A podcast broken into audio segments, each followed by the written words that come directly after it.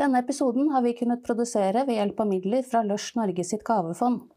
Lush lager naturlig kosmetikk som du får kjøpt helt uten eller med gjenbrukbar emballasje. Og vi i Good Talks heier jo på produkter som er renere og bedre for både kroppen og planeten.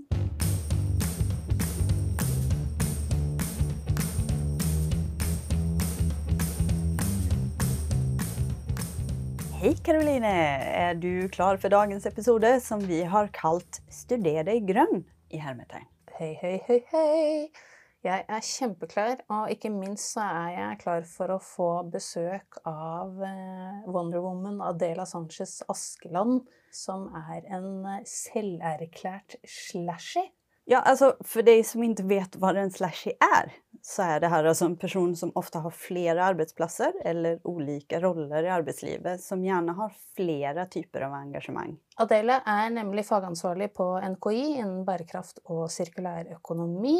Hun er grunnlegger av Development Goals Forum. Hun er foredragsholder, skribent, og den seneste tiden så har hun eh, vært med å utvikle et eh, virtual reality læringsverktøy som i første omgang er utvikla for elever på videregående skoler. Det høres nesten ut som at hun har like mange boller i luften som du og jeg, Karoline. Det, det kan man eh, trygt oppsummere med. Mm, jeg tror at vi er slashies også, faktisk. Yes. Ja. Eh, ja, altså det er jo kjempebra at det begynner bli mulig å studere bærekraft. Og at det har blitt implementert i den nye læreplanen på norske skoler.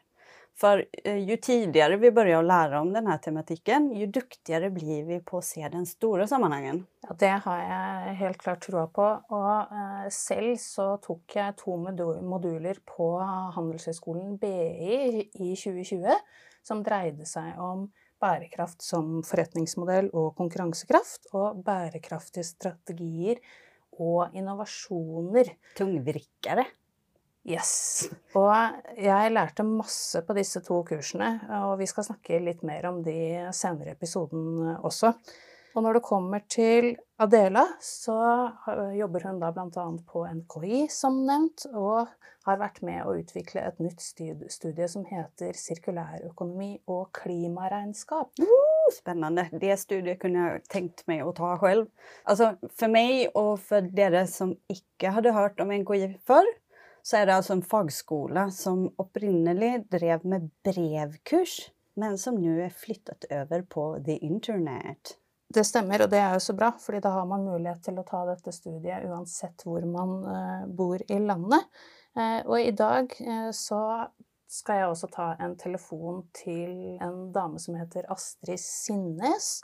Hun er professor i naturfag didaktikk ved NMBU, som da altså er Norges miljø- og biovitenskapelige universitet.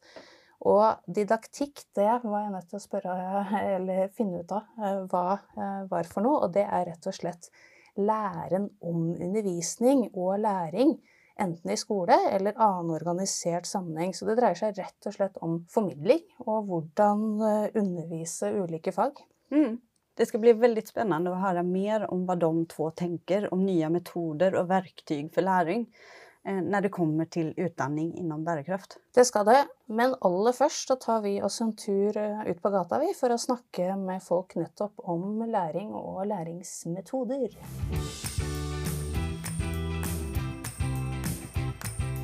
Nå står vi ute i Oslos gater, og vi har fått med oss litt eh, forskjellige mennesker som vil svare på de spørsmålene vi har satt opp i forbindelse med dagens episode.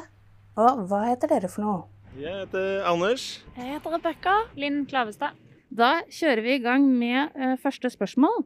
Hvor mye tror du en gjennomsnittsperson glemmer i løpet av den første timen etter at uh, man har uh, fått ny læring ved hjelp av bilder og muntlig presentasjon? Oh, jeg tror man glemmer eh, Jeg tror man glemmer ganske mye. Kanskje 85 um, ehm, Da regner jeg med at man kanskje glemmer ut en 60 eh, Jeg tror det er 50% kanskje. Spot on. Halvparten går rett og slett i glemmeboka allerede en time etter at vi har lært eh, noe nytt.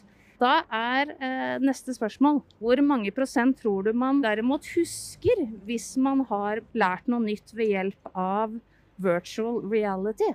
Nei, kanskje litt mer. 60% kanskje. 70-80 kanskje? Eh, kanskje at man husker 70% da. Du er veldig god på gjettinga her, altså. God på gjetting. Generelt god på gjetting.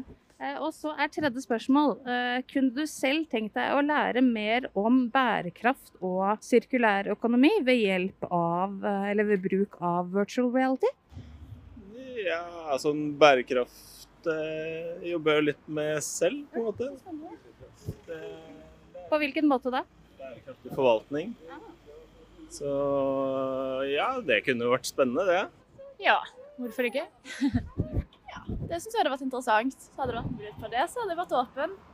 Og det er jo det som er det spennende også, er at nå er det et nytt sånn virtual reality-verktøy er, eh, og program som har blitt laga, som skal begynne å rulles ut på eh, videregående skoler. Men eh, det kan også hende at det blir åpna opp for at andre kan ta i bruk det. For jeg har kjempelyst til å prøve det selv, eh, selv også.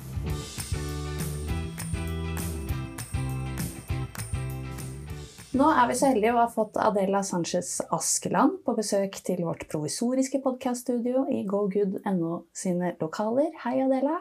Hei, hei. Hei. Ja, her sitter vi og koser oss. Eh, skulle du kunne fortelle litt mer om deg selv til å begynne med? Det kan jeg gjøre. Eh, Jeg jobber jo til daglig i eh, NKI, Fagskoler AS, hvor jeg utvikler noe som heter bærekraftige utdanninger. Så vi fokuserer da på sirkulær økonomi og bærekraftig handel primært. Og i tillegg så jobber jeg i Development Goals Forum som COO, hvor vi jobber med å muliggjøre bærekraftig utvikling gjennom samarbeid. Driftig dame er du altså. Du er også en meget engasjert dame, og vi møttes eh, første gang i forbindelse med DG Forum eh, samling rett før eh, lockdown. Kan ikke du fortelle litt mer om hva DG Forum eh, jobber med og står for? Og kanskje litt også om European Green Deal? Mm, yes, det kan jeg gjøre. Eh, Så Development Goals Forum vi jobber med å muliggjøre bærekraftig utvikling gjennom samarbeid. Og det er jo et veldig stort og flåsete eh, begrep, egentlig, eller en sånn visjon, men det må jo alle selskaper ha. Så det vi har gjort primært nå de siste årene, er egentlig å arrangere noe er ukesforum. Hvor vi har invitert masse spennende mennesker fra næringslivet, masse spennende eh, mennesker fra akademia og også unge mennesker. For å liksom bridge the gap mellom unge mennesker og næringslivet. Og da har vi eh, holdt en rekke spennende foredrag, litt sånn TED Talk-inspirerte eh, sceneoppslag workshops også lignende. Så det har vært superfint. Det var nå tredje år på rad med lua med Karoline, så det var, det var kjempespennende. Men i tillegg så driver vi også med noe som kalles innovasjonsprogram. Som vi skreddersyr for eh, ulike bedrifter. Hvor de kanskje har et problem de står overfor når det kommer til bærekraft. Eh, Eller de ønsker mer innsikt i sin egen bedrift og virksomhet, og hvor de kan bli bedre. rett og slett. Da. Så per nå så har vi et eh, samarbeid med Sparebank1 Østlandet. Hvor vi skal hjelpe dem med å få innsikt i green banking, som er veldig spennende. Ja, kjempeinteressant. Ja, det er veldig kult. Og til sist så er det mitt lille hjertebarn da, i DGF, som er eh, et læringsverktøy i VRF-teknologi.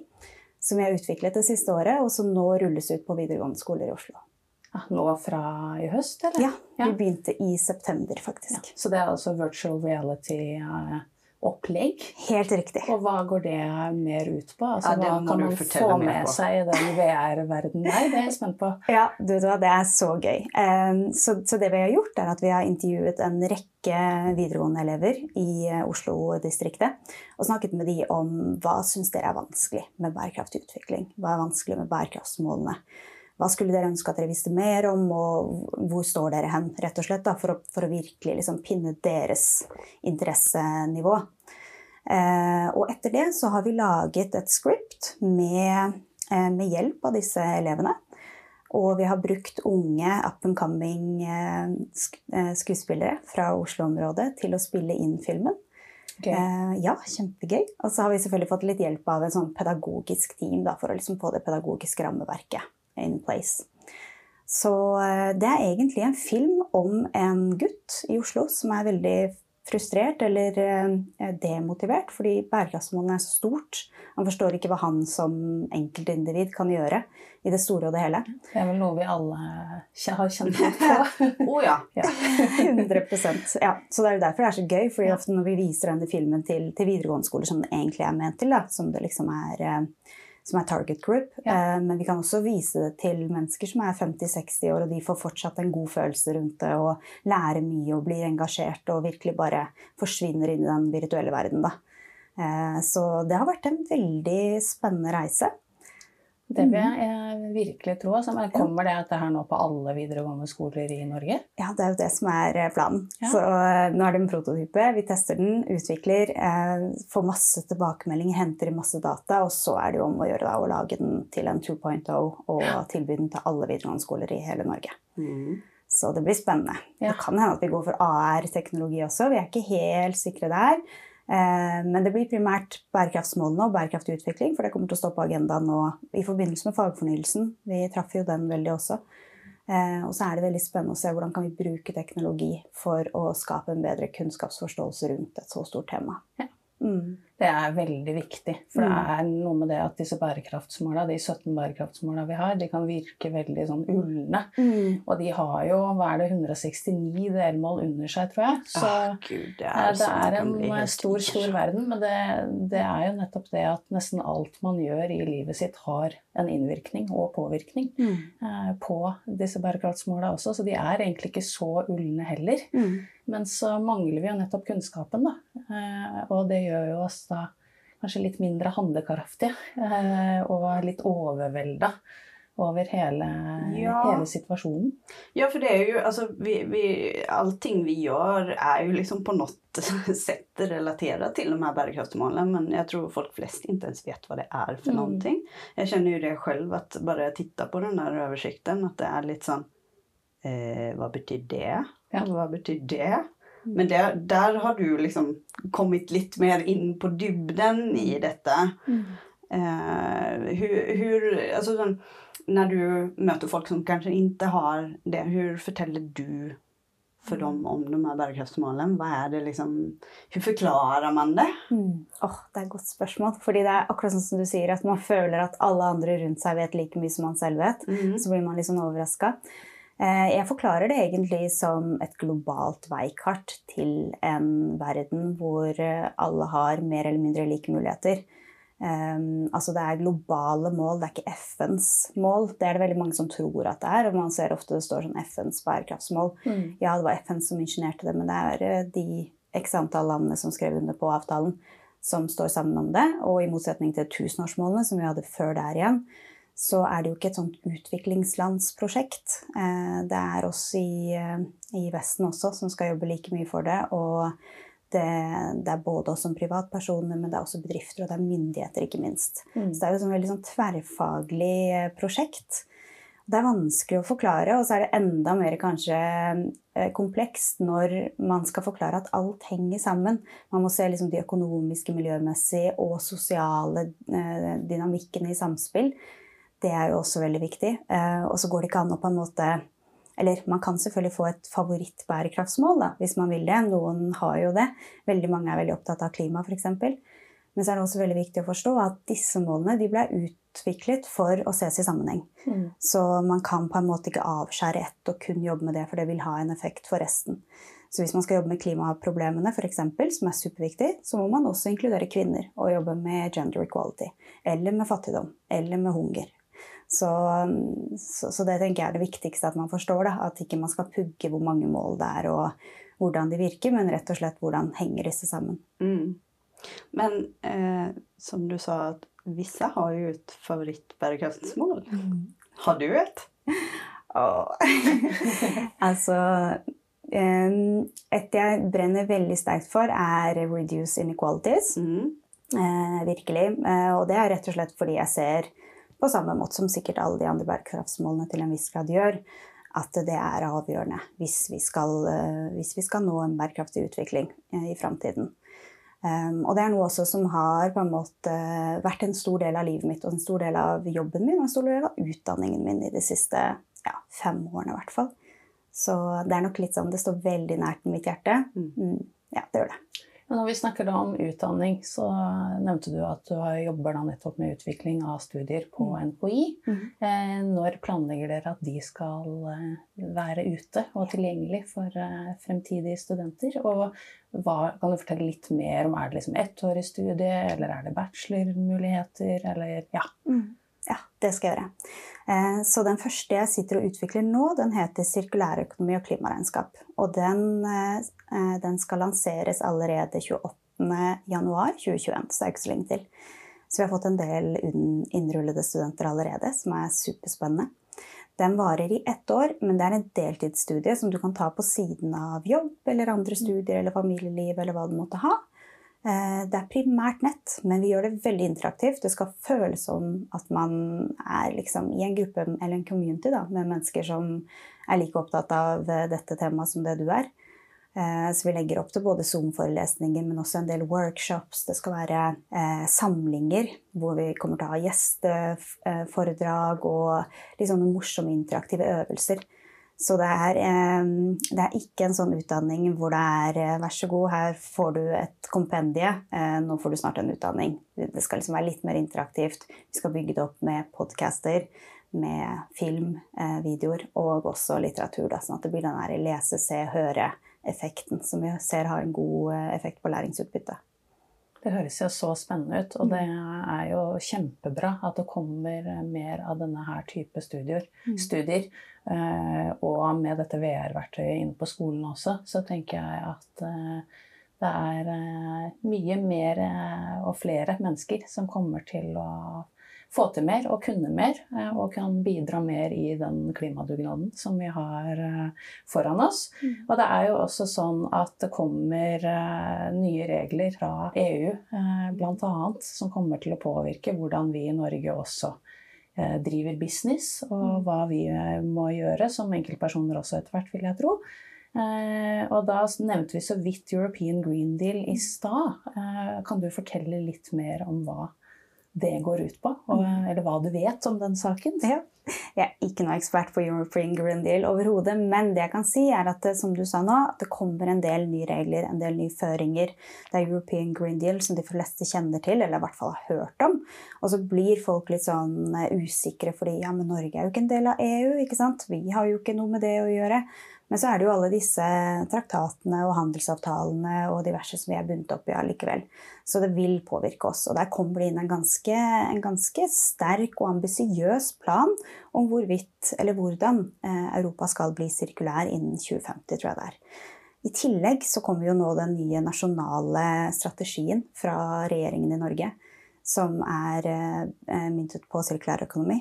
Og det har vi aldri hatt tidligere, så det blir Nei. veldig spennende å se. Og den er jo ikke, den er ikke lansert ennå, så jeg, ingen vet hvor mye holdt på å si, den innebærer. Men det vi vet, er at uh, den kommer til å ramme absolutt alle mm. på, på, en god måte. Mm. Uh, bedrifter, små som store. Eh, enkeltpersoner selvfølgelig til en viss grad, for vi blir jo styrt av både myndigheter og, og selskaper som vi, som vi samhandler med. Ehm, så, så, det som er litt sånn spennende, er å se okay, hva slags føringer har vi hva slags, eh, hva slags drivere er det som drar oss i retningen mot bærekraftig utvikling og sirkulær økonomi. Men åssen barrierer er det også? For mm. akkurat nå så er det veldig mange barrierer, dessverre.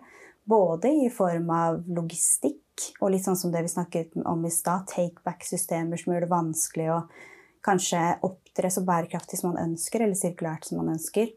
Men det er også faktisk en del barrierer i lovene våre per nå som gjør slik at vi må benytte jomfrumaterialer. Eh, vi må kaste. Det er billigere å brenne. ikke sant? Ja. Så det er mange av disse tingene her. Spesielt i møbel- og byggebransjen er ja. det en mm. kjempeutfordring. Ja. ja. Ikke sant? Og det tenker jeg at det, kan, eh, det blir nok noe som eh, settes på agendaen. Både på, i European Green Deal, men også i den nasjonale strategien. Ja, det gleder meg veldig til vi får på plass eh, en mer overordna plan. Og det har jo vist seg i undersøkelser fra andre land hvor de har fått på plass eh, sånne nasjonale strategiske planer allerede, bl.a. fra Estland og Finland mm. det, og Tyskland, at det har hatt eh, kjempepositiv innvirkning, og at man har nettopp har klart å jobbe mye mer målretta.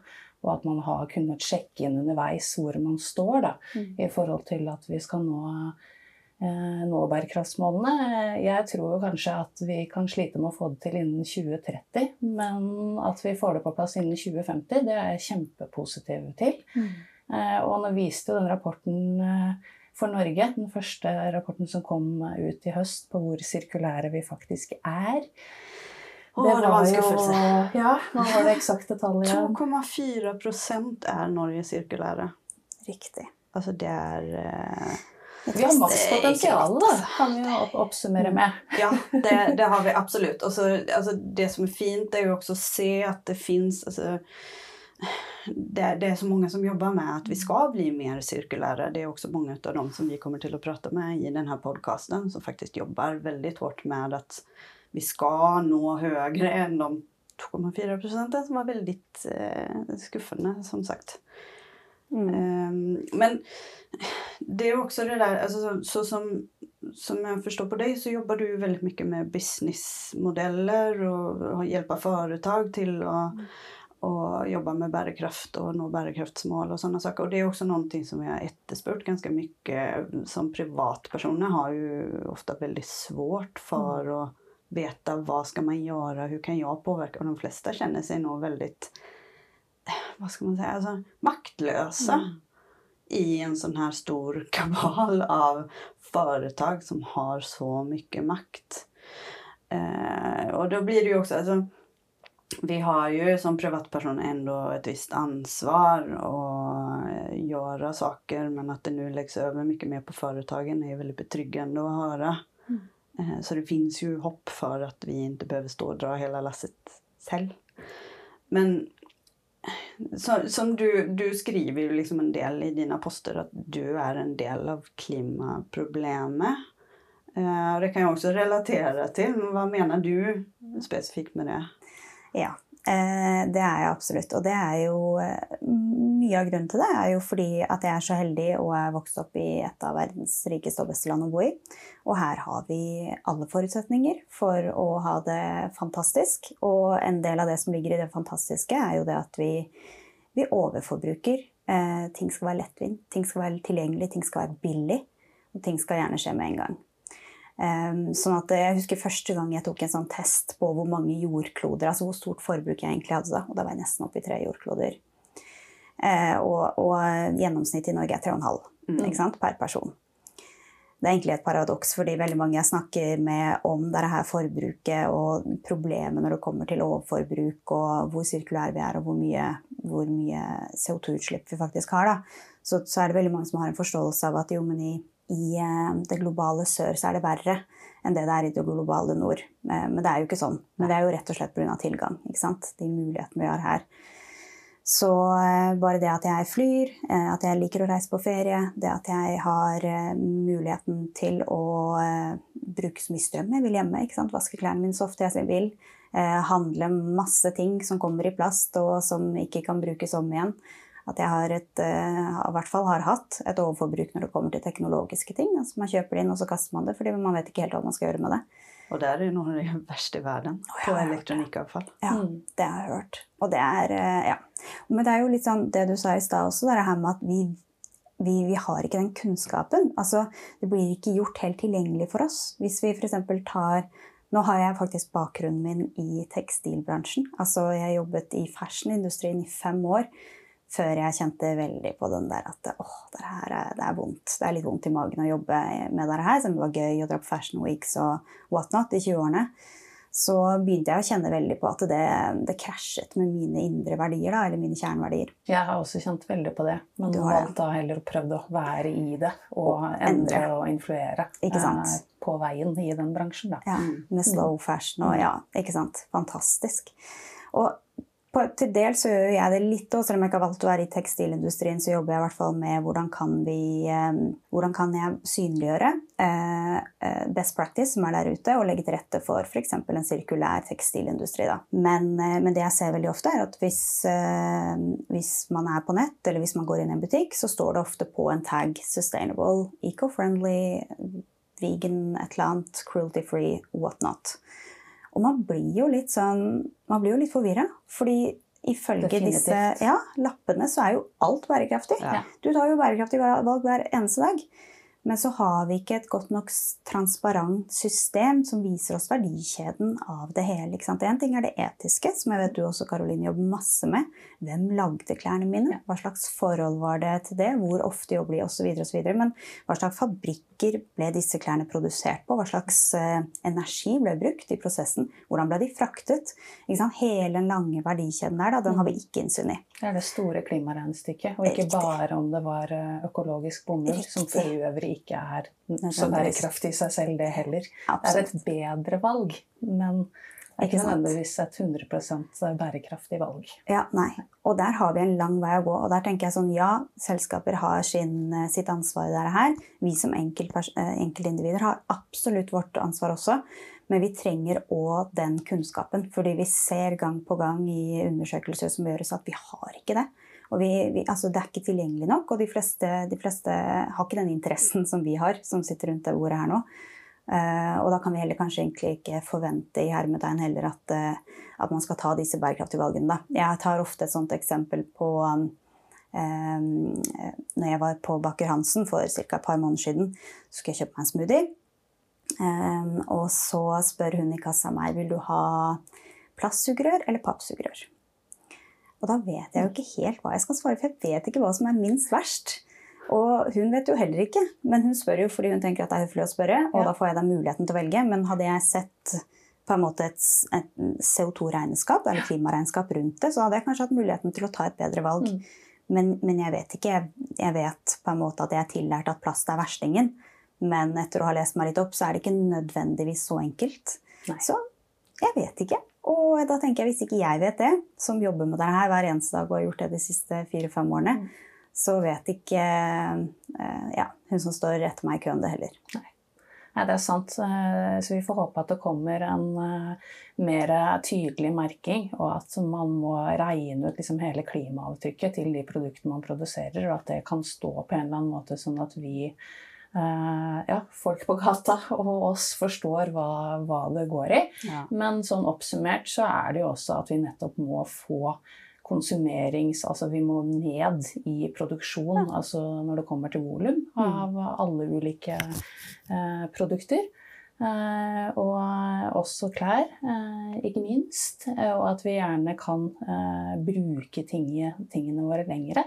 Og f.eks. da investere i sånn hardplastsugerør. altså all plast er jo ikke versting heller. Du har noe som varer lenger enn andre ting. Eller sugerør i metall eller glass. altså Det har jo kommet noen alternativer. Eh, og prøve å få ned sitt eget forbruk, da. Ja, tils vi har en sånn modell og liksom de her eh, ordentlige merkingene, så kan det jo være fint å bare gjøre just det du sier, forbruke mindre. Så her eh, i podden så har vi jo også et lite innslag som nettopp går ut på det å, å bruke Altså ikke nødvendigvis bruke mindre, men i hvert fall bruke noe man har fra før. Eh, veldig mye. Eh, så vi har jo bedt deg om å ta med et eh, klesplagg. Det her blir jo da din love story, Ja. som vi kaller det for. Ja. Eh, For vi fokuserer jo nettopp litt på nettopp det, den økte verdien eh, som en gjerne har i ting eh, en har hatt lenge, eller som kanskje har tilhørt et eh, familiemedlem, eller noe som har affeksjonsverdi. Da, og at dette er ting vi gjerne tar ekstra lenge vare på. Eh, Og klimaavtrykket ved disse tingene er jo ja, Lavere per bruk i hvert fall, yes. kan man si. Definitivt. Det kommer igjen an på hvor mye man vasker osv. Ja. Men nå lurer vi veldig på hva har du tatt med i dag? Jeg har tatt med en jakke som jeg arvet fra morfaren min. Å, Mm. så koselig. Den er helt genial. Altså, den er varm, den er, den er kul fordi den er slitt, men den er slitt på alle de måtene som jeg syns er kult. fordi det minner meg jo om hans bruk. ikke sant? Hvordan, hvordan var, eh, altså, hva gjorde han i hverdagen som gjorde at den ble slitt der den ble slitt? Og så lukter den litt garasje, som noen sikkert syns er litt ekkelt. Men jeg syns det er veldig koselig, for det minner meg om han. Ja. Ja. Lukt så har man masse gode minner i som regel. Altså. Ja, det er oftest noen ting som vekker veldig sterke minner. Jeg tror at det er den, den sterkeste, Ja, kanskje? jeg tror at det er det, faktisk. Ja. At vi, vi har lettere å nå minnen via lukt enn noen annen av sansene som vi har. Det är ganska spännande.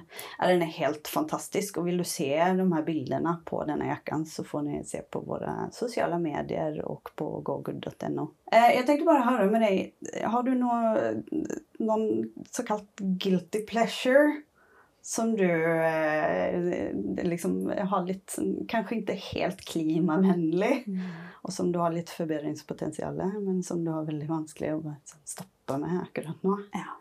100% Og det tenker jeg er så viktig at dere tar opp, fordi eh, ja, vi ingen er perfekte. Jeg er egentlig ganske dårlig på å resirkulere. Eh, og det vil si, ja, jeg har den grønne posen, jeg har den blå posen, og jeg har papp og restavfall. Men sånn som vi snakket om i stad, veldig sjeldent så får jeg lyst til å skylle det her i yoghurtbegeret mitt og legge den riktig, hvis det så er riktig, da. Det, det, det er jo et annet uh, tema. Men der er jeg dårlig. Uh, så det er ofte mannen i huset som hjelper meg med den der resirkuleringen, for å være ærlig. Jeg er skikkelig dårlig på det. Og han, han gjør en joke om det hele tiden, fordi jeg skal jo liksom være den der bærekraftspersonen i, i hjemmet mitt, men det, på akkurat det sa jeg ikke det. Pluss at jeg, som jeg nevnte i stad, jeg elsker å gå og kjøpe meg lunsj ute og, ja. og, kaffe. Og i perioder så er jeg kjempegod på å ta med meg min egen eh, termos og alt sånne ting. Andre ganger ikke. Og da kjenner jeg at oi, oi, oi. Hvis du skal mm. jobbe med dette her, Adela, så må du faktisk stramme deg opp. alle, alle feiler innimellom. Ja. Det gjør jeg og Karoline også. Bare så det er sagt. Men så gjelder det da også å prøve å fokusere på faktisk de dagene man får det til. Ja. Og, ja, og, det er bra man gjør, men mm. eh, jobbe litt hardere eh, også med sjekklista eh, for seg selv. Ecohacks, kanskje? Ecohacks må vi ha. Mm. Hva er dine ecohacks, eh, Adela? Oh, altså For tre år siden, to år og åtte måneder siden, så startet jeg å kjøpe alt brukt og, og lånte. Eh, men eh, jeg har ikke kjøpt et plagg på nesten tre år. Jeg wow. har alt fra Thais Finn eller bruktbutikker eller lånt fra Fjong. Eh, og jeg har heller ikke et møbel i leiligheten min som er helt nytt. Kjøpt på butikken. Det er bra jobba. Det er veldig bra, syns jeg òg. Mm og, og Grunnen til at jeg anbefaler det, er at ja, jeg bruker veldig mye tid. Eh, jeg har fått ned skjermtiden min fra sosiale medier enormt det siste halvåret. Men Tice, Jesus Christ, den spiser opp all skjermtiden min. For det tar lang tid, og jeg må lagre søk, og man vil jo gjerne bo fint og kle seg fint og sånne ting. Eh, så man bruker litt tid på det, men til gjengjeld så er det denne affeksjonsverdien som du snakker om også, som er så fin. Fordi jeg husker menneskene jeg har kjøpt tingene fra. Mm. Jeg husker hvor jeg hentet eh, sofaen min, og hvem jeg fikk buksen min av. og Alt her i dag det forteller en historie. da. Og jeg føler at hjemmet mitt forteller en historie, og at eh, klærne mine gjør det, og det er verdt det. Så min største eco-hack der er vel det å kjøpe ting man kanskje tenker at man ikke kan kjøpe brukt-brukt. Altså hvis du skal ha jentekveld i helgen og drikke cocktails, kjøp de cocktailsglassene fra Thais eller Finn eller et annet sted. Og så vil jeg absolutt investere i en sykkel hvis man bor selvfølgelig sentrumsnært og, og har muligheten til å sykle til jobb de gangene man drar på jobb eller skole. Fordi, eh, både for helsen, men også fordi at det er veldig fint for miljøet. Og eh, nå bygges det bedre og bedre sykkelveier, i hvert fall i Oslo-området. Så det, er, eh, det vil jeg absolutt investert i både bra for klima och hälsa helt enkelt. Mm, ja, nej alltså nu börjar ju tiden ta slut som vanligt och det är alltid lika kjipt när man är mitt i en god samtale. Men eh, vi må bare takke deg for tiden din mm. og de gode tipsene dine. Takk i like måte. Takk for, ja, takk for en super prat, Adela. Uh, keep up the good work. Takk i like måte.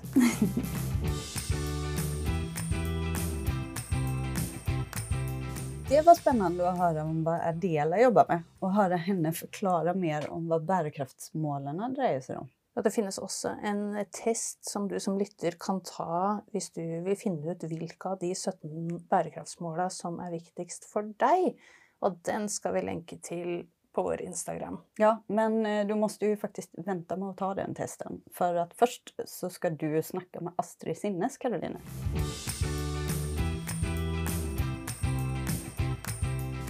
Astrid. Hei, Karoline. Så utrolig bra at du kunne stille opp eh, og snakke litt med oss i dag. Ja, veldig hyggelig å bli invitert.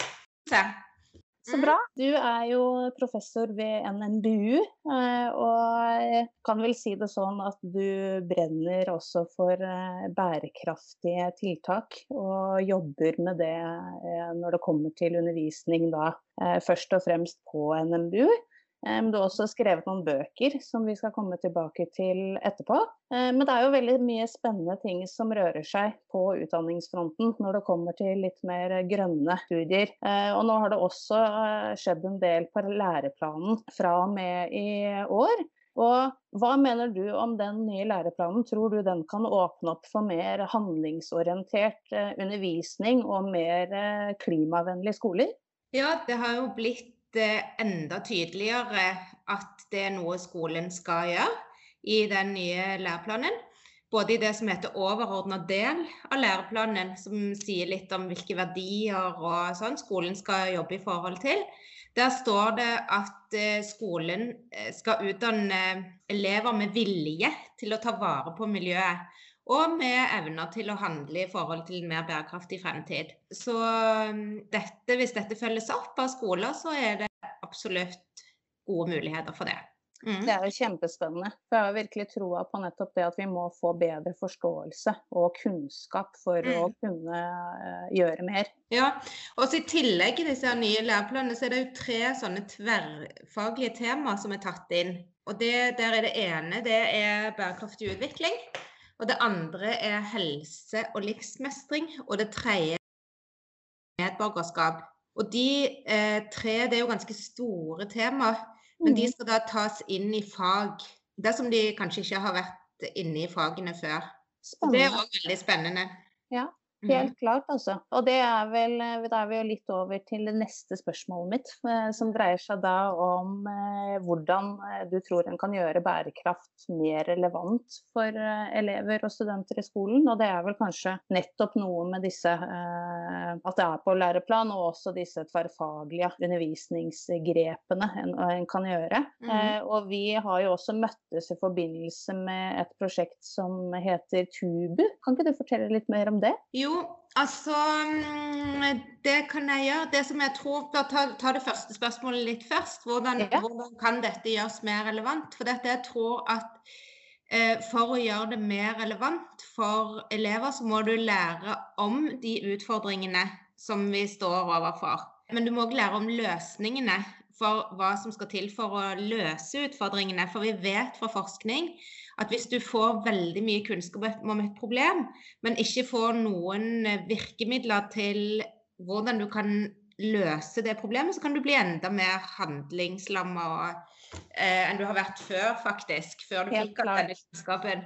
Ja. Og, og da tenker jeg at er det noe vi ikke trenger nå, så er det eh, handlingslamma mennesker. For nå vi, eh, står vi i en tid hvor vi skal gjennom den største samfunnsomveltningen som har vært noensinne på ti år. Hvis vi skal klare å nå disse her klimamålene og bærekraftmålene. Og det er mye som står på spill. Vi vet jo ganske mye om klima, men etter hvert så vet vi òg mye om artsmangfold og tap av arter. Og jeg syns at den siste rapporten til eh, WWF som kom nå bare for noen uker siden, som sier at vi i løpet av eh, under 50 år har mista nesten 70% av bestandene i verden, dyrebestandene. Altså, da skjønner vi at vi kan ikke fortsette å gjøre ting på samme måte. Så vi er nødt til å gjøre noe nytt. Og da tenker jeg at skolen har en utrolig viktig jobb, for i skolen så er jo alle folk. Der møter du alle som skal leve på en annen måte. Eh, så det var litt om det. Jeg tror at vi må få jobbe mer med løsninger, og ikke bare utfordringene. Helt klart, og det er jo noe av det vi fokuserer veldig mye på her i, posten, eh, i podden også.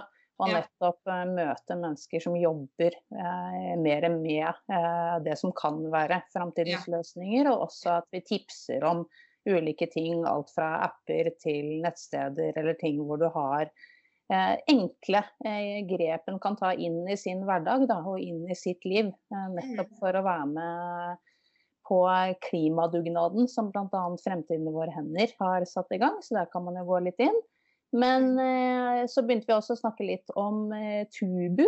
Ja, for det at vi har et samarbeid med vi har, eh, i, Der som jeg jobber på NMBU, eh, i lærerutdanningen, vi utdanner lektorer som skal jobbe i videregående skole. Eh, og For 15 år siden så bestemte vi at vi skal utdanne, eh, ha et fokus på bærekraft. Så vi skal utdanne lærere som kan bidra til bærekraftig utvikling. Da var det ganske radikalt, men nå begynner jo de fleste å skjønne at det må man jo bare gjøre. Og så har vi samarbeid med forskjellige skoler som våre studenter er i praksis i. Og da er det mm, spesielt fire eh, store videregående skoler, hvorav én er da Ski videregående. Og da samarbeider vi med disse skolene om å få til et større fokus på bærekraftig utvikling. Så vi kanskje kommer med noen innspill til de, og de kan lære oss òg noe i lærerutdanningen om hvordan ting skal gjøre. Og ved Ski så hadde de, et, har de i flere år hatt et prosjekt som du viste til, som heter Tubus, som jeg vet du har vært involvert i. Eh, hvor elevene skulle velge seg et produkt som de selv hadde et forhold til, og så mm. studere hvordan det produktet ble produsert. Og da er det alt fra miljøpåvirkning til livsvilkår til de som har lagd produktet, osv. Eh, og det har de jobba med tverrfaglig i flere uker. Men på siste gjennomføring av denne, dette Tubu-prosjektet, så stoppa vi ikke med å bare liksom peke på problemene med det produktet, men da skulle de i tillegg utvikle et nytt produkt. Eh, som, var, som, kunne være et alternativ til det gamle. Og det syns jeg var superspennende å se på disse her nye måtene og all den kreativiteten som kom frem blant elevene ja, jeg er helt, helt, enig. Jeg var så heldig å ha vært jurymedlem bl.a. På dette prosjektet. Ja. Eh, og det nettopp da sist år. Eh, å se alle de flotte løsningene de presenterte. Det var eh, mange gode gründerspirer blant den gjengen der, altså. Mm -hmm. Og da får du ved å gjøre det, gjøre det grepet, så får du det som vi i forskningen snakker om, å endre noe fra å være en aktivitet til å være en action. Altså fra å gjøre noe bare for å, som en aktivitet for å variere undervisningen, til at elevene selv gjør en handling med å utvikle noe nytt eller påvirke noen, eller Ja. Så det var spennende. Ja, veldig, veldig, veldig spennende. Nå har jeg jo forstått at pga. covid og i det hele tatt, så er det dessverre ikke et Tubu-prosjekt i, i, år. Eh, men vi får vel håpe at det kommer, eh, kommer opp igjen. Mm. Og de skal ha et annet prosjekt på akkurat den skolen, eh, et annet type tverrfaglig prosjekt senere. Så sånne ja. ting vil jo òg alltid variere og utvikle seg. Mm. Ikke sant. Eh, men jeg er jo i hvert fall av den meningen at, eh, at det tverrfaglige prosjektet og nettopp det at disse elevene måtte finne ut av hele livsløpet brak mm. det produktet eller den merkevaren som de undersøkte, har mm. gjort at den gjengen med elever eh, ble, blir ikke de samme konsumentene igjen som de var før det prosjektet. Ja. Det er jeg 100% sikker på. Ja, og det har vi jo òg. Vi, vi, følger jo disse skolene med forskning. Og har gjort intervjuer av de elevene som har hatt disse prosjektene for uh, flere år siden. Og de, det, jo, det, er jo noe som har festa seg. Så, så, jeg tror nok at du lærer å jobbe. Hvis du jobber på denne måten, så får du med deg noe annet enn det man kanskje ellers mm. får. Mm. Fins det noe sted som eh, ja. Fins mm. det noe sted, hvis det er noen lærere eller noe som lytter på oss, hvor de kan lese mer om, om dette prosjektet? Uh, ja, vi har skrevet noe om det på noen nettsider. Ja. Jeg har skrevet litt om det i boken min. Ikke sant? For du ja. har jo også skrevet uh, noen bøker. Du kan jo egentlig få lov å snakke om de litt akkurat nå, når vi kom inn på det igjen. en av de kom jo ut i år eh, og heter eh, noe som du var så vidt innom i stad, og det er liksom Action. Så den her heter Action Takk. Og der har du eh, bl.a. intervjua eh, meg til den boka. Ja. ja. Du kan jo snakke ja. litt mer om hva hele ja, boka dreier seg om. om. Ja. Det var rett og slett at jeg hadde lyst til For jeg syns at når du jobber med bærekraft og klima og miljøproblematikk, så blir ofte ting veldig dystert. Og så tenkte jeg at jeg har lyst til å skrive en bok om de som jobber med å finne løsninger på ting. Og i utgangspunktet hadde jeg tenkt å skrive om liksom hvem som helst og hvor som helst i verden og rundt omkring. Eh, og så begynte jeg å få, få, tips, eller jeg spurte folk på sosiale medier og sånn, om hvem kan, kan dere tipse om folk. Eh, og så fikk jeg en haug med tips. Og noe som var felles eh, for de fleste, det var at de var ganske unge. Og jeg intervjua jo deg, Karoline, og du, med, du er jo òg veldig ung, men du var allikevel allikevel, antageligvis en av de eldste, tror jeg. Ja. Den yngste var 13 år. Og, og det var jo òg veldig spennende å jobbe med den boken akkurat samtidig som Greta Thunberg begynte å, å klimastreike. Og jeg syns det var spennende det med at vi tenker sånt ungt engasjement for klima og miljø. Så er det veldig lett å tenke at det handler om klimastreikene, for det er det vi hører om hele tiden. Og så i denne her, eh, når jeg begynte å lete etter folk å skrive om, så slo det meg jo at det unge engasjementet for klima og miljø, det handler ikke bare om klimastreiker. Det er på utrolig mange felt. Eh, For unge mennesker, de eh, melder seg inn i organisasjoner hvor de de, det er jo en kjempeoppsving i politiske parti og innmelding i ungdomspolitiske parti med fokus på miljø. Eh, men man starter òg gründervirksomheter, man blogger. eh, man eh, eh, lever på en annen måte, bytter istedenfor å eie. Og hele dette her engasjementet blant unge folk, det tenker jeg at skolen kan ha så utrolig mye å lære av. Mm. Det at det er eh, noe med å hente dette her inn i skolen og la det inspirere undervisningen. Og Det tror jeg kan være superspennende for unge folk å lære. For folk er jo interessert i å vite hvordan de kan bidra. Og ved å lede etter folk som jobber med løsninger i sitt eget lokalmiljø, eller lese om det i en bok, eh, så kan du få ideer til hvordan du selv kan bidra på andre måter enn å bare spise vegetarmat, liksom. Helt klart, og jeg er jo veldig beæra over at jeg fikk være med i den unge, unge gjengen, på tross av at jeg var litt, litt eh, eldre. Eh, eller er litt eldre. Men jeg tror også veldig på det å liksom, finne konkrete, altså både eksempler på det, hva som blir gjort, men også folk som gjør det. Eh, og jeg syns at det har vært en eh, Eller at det er en kjempefin bok selv, hvor jeg også fikk øynene opp for noe andre personer eh, og virker som jeg ikke har fått med meg tidligere.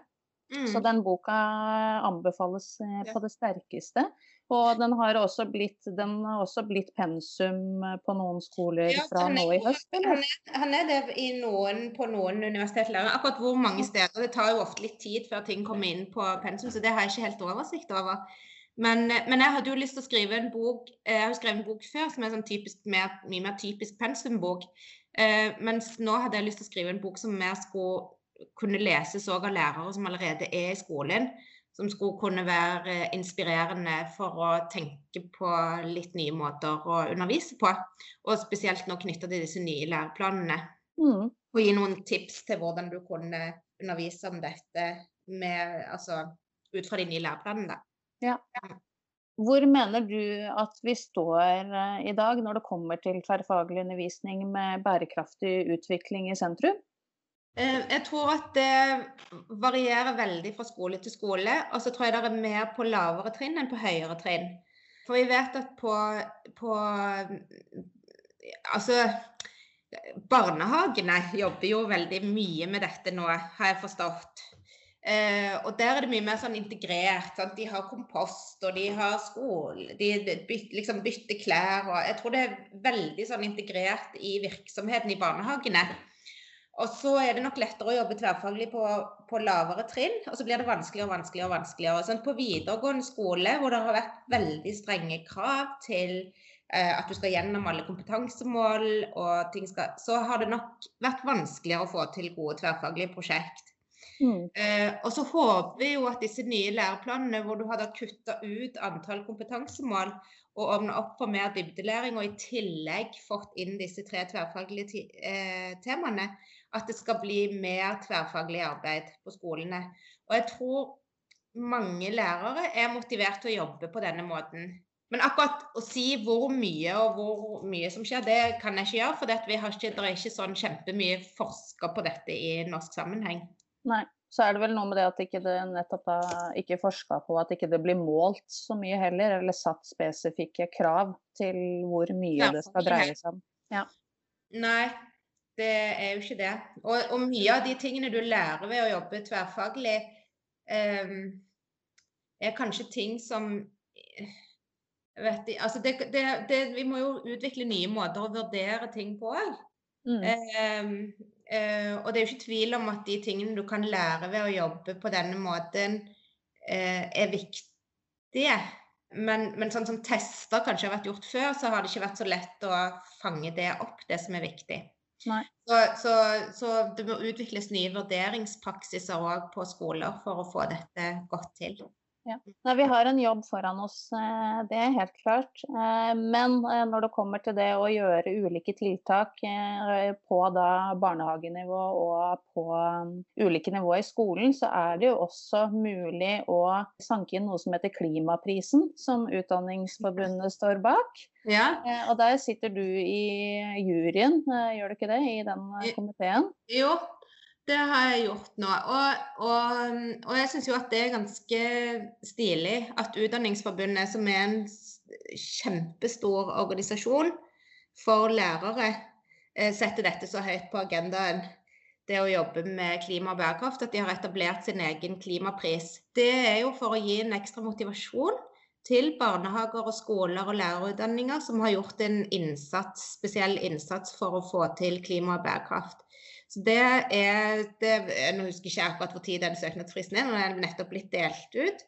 Da kan man eh, melde seg på sjøl, blir man nominert, eller? Kan, eh, man kan eh, ikke akkurat melde seg på, men melde, altså, søke om å få prisen. Ja, sende inn en søknad.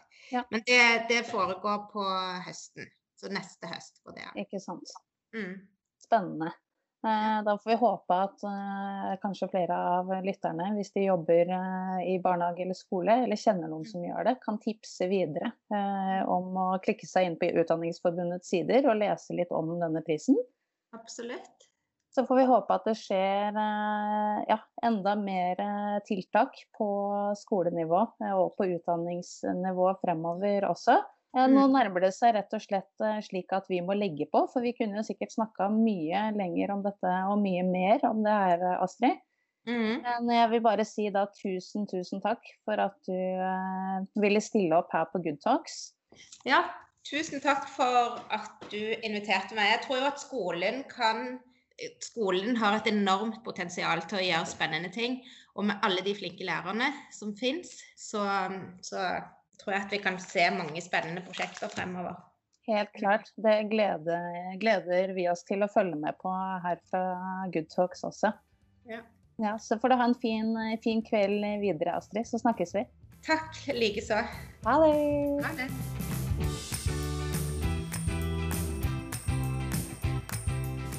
Som Astrid sa, action takk, Karoline. Ja, action trenger vi helt klart mer av. Mm.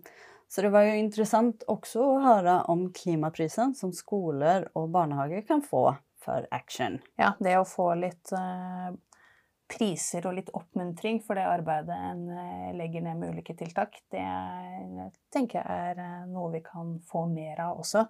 og det er også veldig givende å lære mer om hvordan alt henger sammen. Og som jeg nevnte før i episoden så har jeg tatt eh, noen kurs eh, på BI, hvor eh, foredragsholderen min der var fantastisk flink til å lære bort og forklare hvordan nettopp alt henger sammen. Og en liten shout-out da til foredragsholderen som heter Per Espen Stoknes.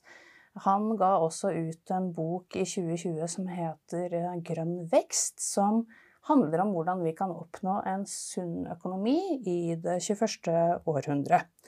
Og jeg må ærlig innrømme at jeg har faktisk ikke rukket å lese den boka selv enda, ingen av oss, men eh, de står på lista vår. Det gjør det.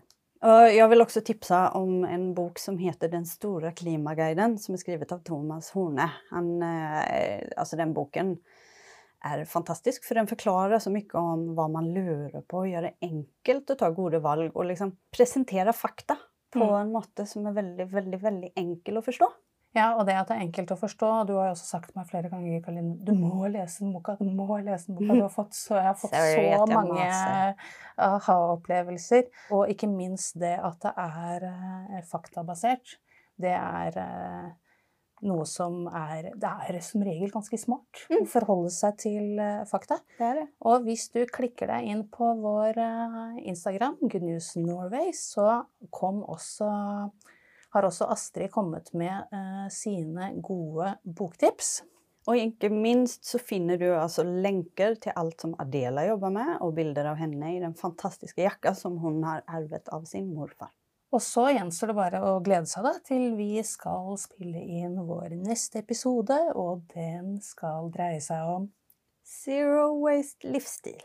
Yes, og da skal vi ha med oss to uh, ildsjeler på det området. Vi røper ikke hvilke enda. Da får du følge med på neste episode, så hei så lenge! Ha det!